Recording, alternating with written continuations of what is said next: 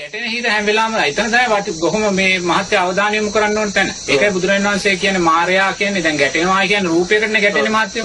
කවුරු හරි රූපයක් කවුරු හරි එක සේවකයෙක් වෙන්න පුළුවන් ඥාතියෙක් වෙන්න පුළුවන් හිතවතෙක් වෙන්න පුළුවන්. නේද ඒ රූපයක්නේ.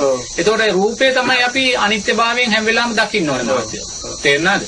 ඒ අපි ඒකත් ඒ ගෲප් එක සම්බන්ධකමක් තියාගත්තම තමයි අපිට සම්බන්ධකමක් තියාගන්න වෙනවා අපිට.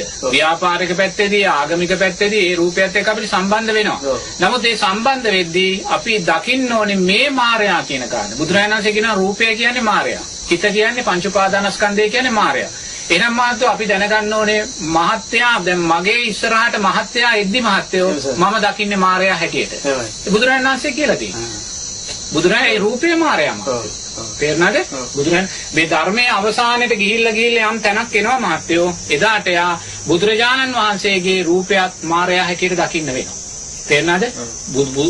සම්මා සම්බුද්ධ ඥානෙ නෙමෙයි ඈ. සම්මා සම්බුද්ධ ඥානෙ මේ ලෝකේ ශ්‍රේෂ්ඨම උතුම් දේ. තේරෙනවද? නමුත් රූපයත් මායя කියලා දකින්න වෙනවා. මොකද ආනන්ද මහා ආමඳුත් ස්වාමීන් වහන්සේට රූපේ මායя කියලා දකින්න ශක්තියක් තිබෙන්නේ නැහැ. ඒ නිසා තමයි යා රහත් වෙන්න නැතුව හිටියේ බුදුරජාණන් වහන්සේ පිරිනිවන් පානකම් මොකද ඒ රූපය මාරය හැටියට දකින්න යාට ශක්තියක් තිබ්බේ නැහැ තිබ්බ අර මේ මේ අනුකම්පාව කෙරෙයි එල්ම කෙරෙයි ඒ නිසා මහත්තයා හැම වෙලාවෙම මහත්තයා කවුරු ඇසුරු කරත් ව්‍යාපාරික ශේෂ්ත්‍රයේ ලෝකයක ඇසුරු කරත් කවුරු ඇසුරු කරත් ඒ මායя කියලා දකිමින් ඇසුරු කරාම මහත්තයාට ප්‍රශ්නයක් නැහැ. මහත්තයා දන්නවා මෙයා තුලින් මට අකුසලයක් වෙන්නම පුළුවන් කියලා.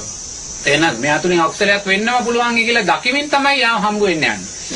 දකිමින් තමයි කතා කරන්නේ. දැන් ඒතකොට මහත්තයා දකින්න ඉස්සෙල්ලා සිතයක් ඇති කරගත්තා නම් මෙයා නිසා මට අකුසලයක් ඇයි කියලා මහත්තයා දැන් එතෙන්ට යනවද? ඒ වලක් තියෙන බලනවා. වැලක් වෙන්න බලනවා මහත්තයා. වැලක් වෙන්න බලනවා. මොකද අනුන් නිසා මහත්තයා සතර පායට යන්න අවශ්‍ය නැහැ. නේද? දැන් ඊයේ දවසේ කේන්තියක් ආවනම්. දැන් ඒ කේන්ති ආවේ සිතක් සකස් වුණ නිසා. තේරෙනවද? බාහිර රූපයක් දැක්කා. පංච උපාදානස්කන්ධය සකස් වෙනවා. අධ්‍යාත්මික රූපය, බාහිර රූපය, විඥානය එකතු වෙලා. අන්න කේන්ති ආවා.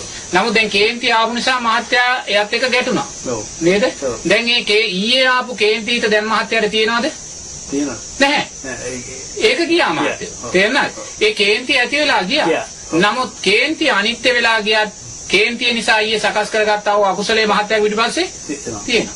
දැන් ඒක තමයි හිතන්න ඕනේ. ඔය වගේ එහෙනම් අපි දා- දාස්වතාව කේන්ති ගන්න නැද්ද? නන්න එහෙනම් ඒ කේන්ති ගත්ත වාරයක් පාසා ඒ හිත අනිත්‍ය වෙලා ගියා. නමුත් මහත්තයෝ සකස් වුණා වූ අකුසලයේ අපේ පිටිපස්සේ තියෙනවා. නමුත් එහෙනම් ඒ අකුසලයේ අපේ පිටිපස්සේ තියෙනවා කියන්නේ මහත්තයෝ සංස්කාර සකස් වෙනවා. භවයට ඉස්සරහට යනවා. නේද? නමුත් අපි දැක්කම